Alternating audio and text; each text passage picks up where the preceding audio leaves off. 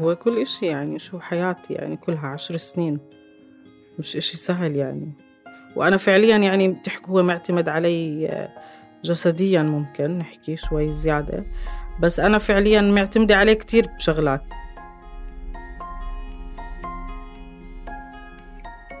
زي ما في أعراض جسدية مخفية بتترك لنا خيار الإفصاح عنها في أعراض من نوع تاني بتكون علنية وبتقحم حالها علينا. لكن بمعظم الأحيان المشكلة ما بتكون بشفافية هاي الأعراض بل بالافتراضات يلي بتسقطها الناس عليها. أنا سليم سلامة. بقدم لكم الموسم الخامس من بودكاست عيب من إنتاج صوت. بهالموسم رح نصغي لتجارب طبعت آثارها على ذواتنا وأجسادنا ولكن تم إنكارها لأنها ما زالت تعتبر بنظر المجتمع عيب. بحلقتنا اليوم رح تحكي لنا آية عن الزواج. وعن كيف بصير شكله لما يتعلق ويرتبط بتجربة جسدية خارجة عن المألوف. تجربة ممكن تكون بالنسبة لكثير ناس غير مفهومة أو حتى مستحيلة.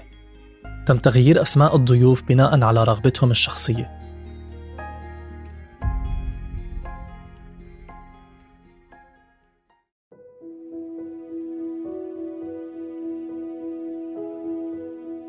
هلا أنا بعرف زوجي من قبل. يعني قبل الخطبة يعني كنت أروح مع إخواته دايما عندهم على البيت. كنت أعرفهم لما كان واقف على إجري بس يعني معرفة سطحية. بس صرت أعرفه أكتر بعد الحادث. نتيجة هذا الحادث يعني صار عنده شلل نصفي بطل يقدر يمشي. ف الزيارات رايحين جايين وكنت لسه بالمدرسة وكبرت يعني صرت بالجامعة ولسه يعني على تواصل. فضلت العلاقة مش إنه يعني في حب و... بس في صداقة في حكي في هذا النوع من العلاقات. آية ما كانت تعرف زوجها معرفة عميقة قبل الحادث يلي تعرض له. كانوا جيران وكانت تشوفه بالصدف. بس ما كان في وقتها لا حب ولا إعجاب. الحب انخلق بعد ما زوجها تعرض للحادث. شوي شوي تطورت العلاقة لحد ما إجا الوقت تفاتح فيه أهلها بالموضوع. طبعا هذا كان اختياري أنا وياه فلما حكيت لماما كانت كتير معارضة عشان الوضع الصحي لزوجي. أول تحدي كان الدراسة والوضع الصحي طبعا كمان. هلأ إنه أنا مكملة جامعة وهو مخلص آه، تدريب مهني كان دارس فندقة. إنه مش نفس المستوى التعليمي. والتحدي الثاني اللي هو صحته إنه هو ما رح يقدر يكون واقف على إجريه فرح يكون معتمد علي بكتير شغلات. فكان يعني هذا أهم إشي إنه كيف رح تقدري تكوني معه بالطلعات بالدخلات بالبيت بال يعني بكل إشي. يعني رح يكون كل الاعتماد علي فماما كانت كتير خايفة من هذا الإشي. وحاولت تقنعني إنه ما أرضى. صحباتي اللي قراب مني يعني في منهم برضو معارضين إنه لا ما يعني حتى لدرجة إنه ليه بتعملي بحالك هيك؟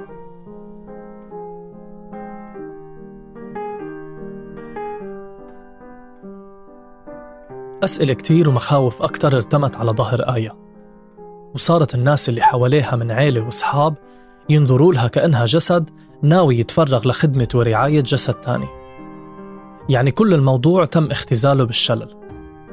كانت آية قادرة إنها تستوعب وجهة نظر إمها وصاحباتها. بس بنفس الوقت كان إلها رأي مختلف تماما. طالما إحنا متفاهمين ويعني هو كشخص بيقدر يقوم بحاله بكل إشي. يعني الاعتماد اللي كان رح يكون علي رح يكون بالبيت بالمهمات التانية مش الإشي اللي هو بخصه. فكان هذا الإشي يعني عادي كتير بالنسبة لي بالأخير صار اللي أنا بدي إياه وتزوجنا يعني بعد ما خلصت جامعة. أه، وهلأ صرنا عشر سنين مع بعض.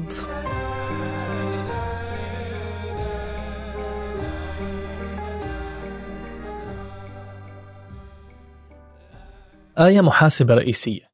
وزوجها شيف. ولكن شاءت الصدف إنهم يشتغلوا بنفس المؤسسة. هذا الإشي خلاهم قراب من بعض وأتاح لهم فرصة إنه يكون الطرف الآخر موجود في حال كان في حاجة لإله بهالعشر سنوات أسسوا حياة واشتروا بيت. ورغم إنهم ما أنجبوا أطفال إلا إنهم خلقوا عيلة. ما عمري مرقت بلحظات إنه أشك بقراري.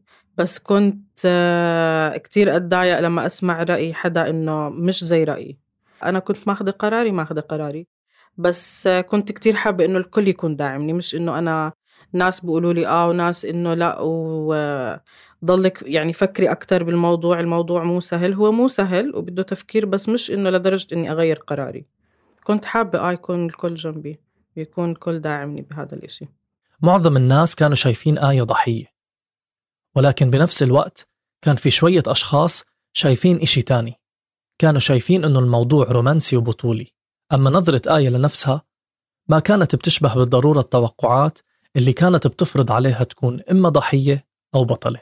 فترة الخطبة مش زي الزواج صراحة الزواج يعني عشت أشياء يعني فيها تحديات أكثر من الخطبة. يعني من ناحية اعتماد جسدي ما كنت أحس بالخطبة هداك الإشي اللي متعبني أو مضايقني أو ممكن يكون يعني زي لود علي.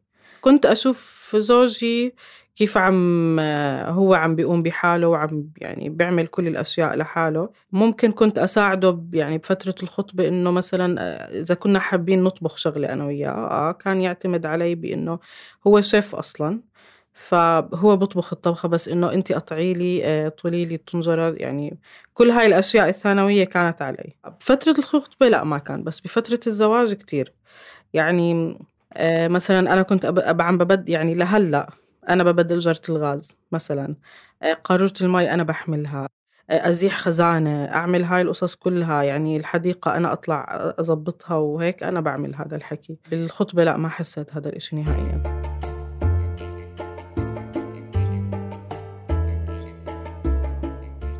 بشكل عام بتقوم مجتمعاتنا بفرض قوالب جاهزة على المتزوجين لتحديد أدوار كل شريك. المرأة مسؤولة عن تنظيف وترتيب البيت والرجل مسؤول عن كل ما يتطلب قوة جسدية. لكن آية وزوجها كانوا مضطرين يتحدوا هاي الأدوار المتوقعة منهم. وبالتالي قدروا يخلقوا أنماط بتناسب حياتهم بغض النظر عن توقعات المجتمع. يمكن آية كانت مضطرة تقوم بأدوار معينة بحكم الوضع اللي هي فيه. لكنها مع الوقت اكتشفت أنه حتى المتزوجات من غير مقعدين كمان عم بيقوموا بأدوار غير تقليدية. هذا الاعتماد اللي صار علي إنه أنا أعمل كل هذا الحكي؟ أنا فعليا ما كنت أعمله حتى بالبيت يعني لحالي. هلأ لما كانوا الناس قبل يقولوا لي انت رح تقومي بكتير شغلات أنا فعليا عم بشوفها عادية مقارنة بحياة كتير ناس عم بشوفهم. بيكون الرجال واقف على اجريه والست عم تعمل كل هذا الحكي أصلا. فيعني ما حسيت فرق بيني وبين بقية الستات. في كتير ناس بيفترضوا إنه الشلل هو المشكلة الوحيدة بحياة آية. لكن بالنسبة إلها الشلل ما بيعرفها وما بيعرف علاقتها بزوجها. ببساطة الشلل بالنسبة إلها مجرد تفصيل صغير مش أكتر. يعني الأنا اللي عم بتحمله يعني أنا بحسه إشي عادي مش إنه إشي فوق طاقتي. يعني يمكن لو تزوجت حدا تاني بإجراء أنا رح أكون عم بعمل نفس الشيء فعم بحس إنه لأ عادي وعايشة حياتي بالطريقة اللي أنا بدي إياها. أه بعمل الإشي اللي أنا بدي إياه شغل بشغلي ببيتي. طلعاتي مع صحباتي يعني أنا مو حاسة إنه في فرق أصلا يعني صراحة. سواء كنت متجوزة حدا على إجراء أو حدا مش على إجراء اللهم الإشي الوحيد اللي فارق معي اللي هو فكرة المرض نفسه. يعني زوجي مناعته خفت لما تعرض للحادث فهو شخص بمرض أكثر من من أي بني آدم طبيعي عادي. آية مش خايفة على حالها من صعوبة العيشة مع شخص مشلول بقدر ما هي خايفة إنها تفقد هذا الشخص وتضل وحيدة. يمكن ما ببالغ إذا بقول إنه الخوف هو طرف ثالث بعلاقتها مع زوجها.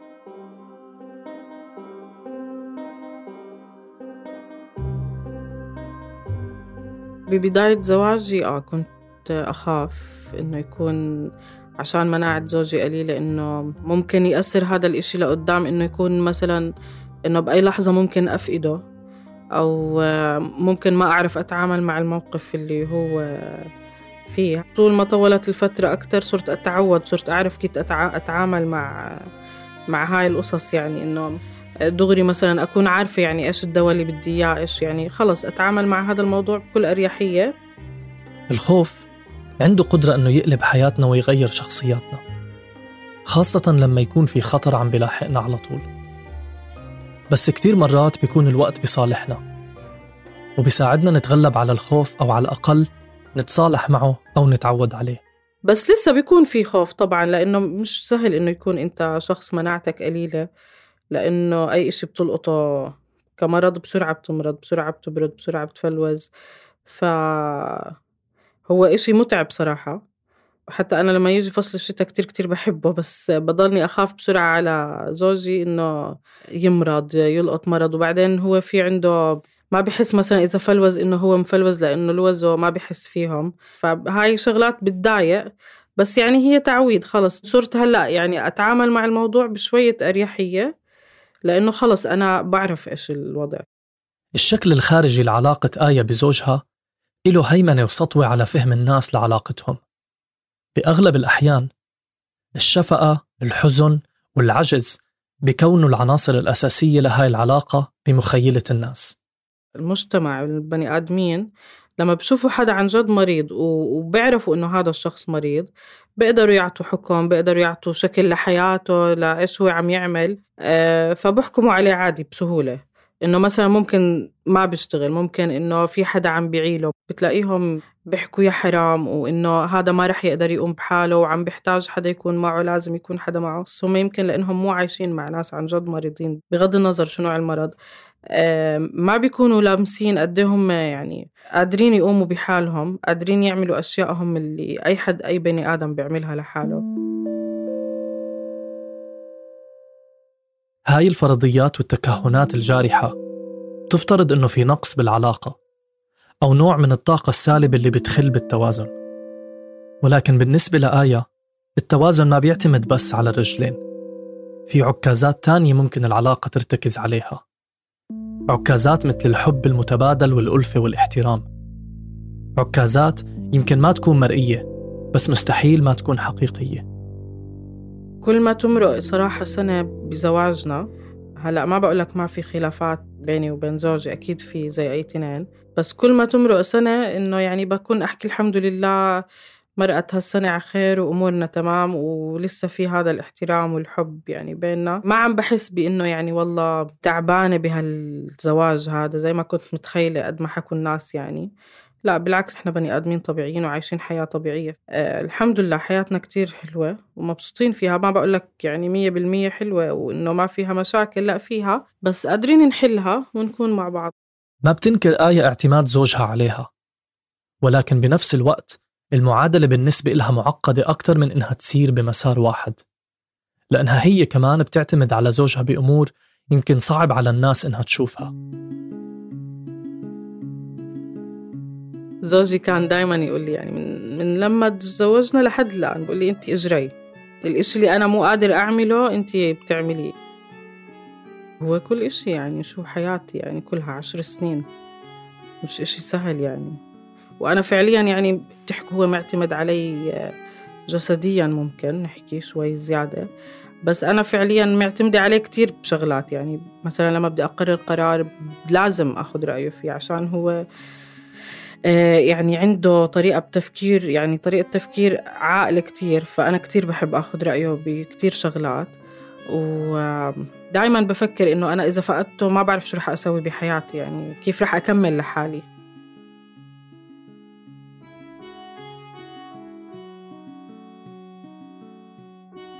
لما نشعر إن عايشين حياة استثنائية تختلف عن حياة الناس اللي حوالينا. كتير وارد إنه نشعر بالوحدة. وهذا بالضبط اللي كانوا آية وزوجها حاسين فيه بفترة من الفترات. ولكن بدأ هالشعور يخف خلال زياراتهم المتكررة لأكثر مكان بيكرهوه. بالمستشفى.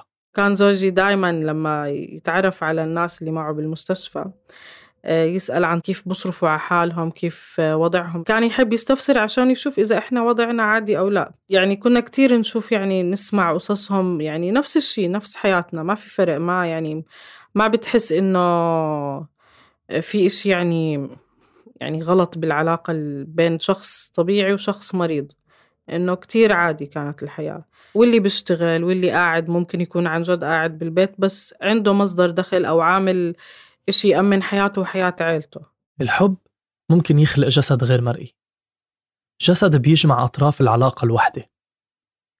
بيعملها رجلين وإيدين وعيون وعقل وقلب. بهالحب بينخلق توازن بتنخلق فرص وأبعاد لأشياء بتتخطى الأنماط وبتتخطى الفرضيات والقوالب وبتكون أقرب للواقع اللي بيطمحوا له أصحاب هالجسد الواحد.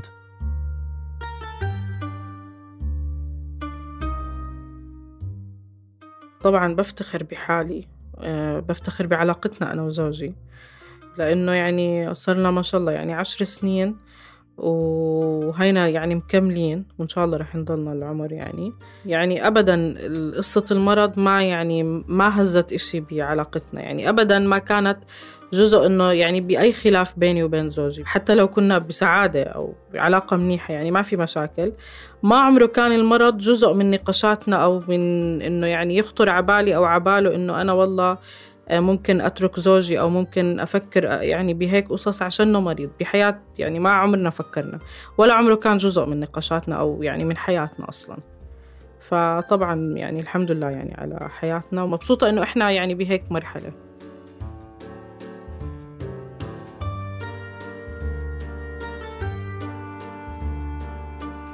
كنا معكم من الإعداد والتقديم سليم سلامة من الهندسة الصوتية ماهر ملاخ.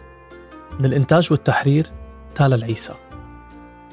النشر والتوزيع تولته مرام النبالي وجنى قزاز وشارك بإنتاج هالموسم فريق صوت.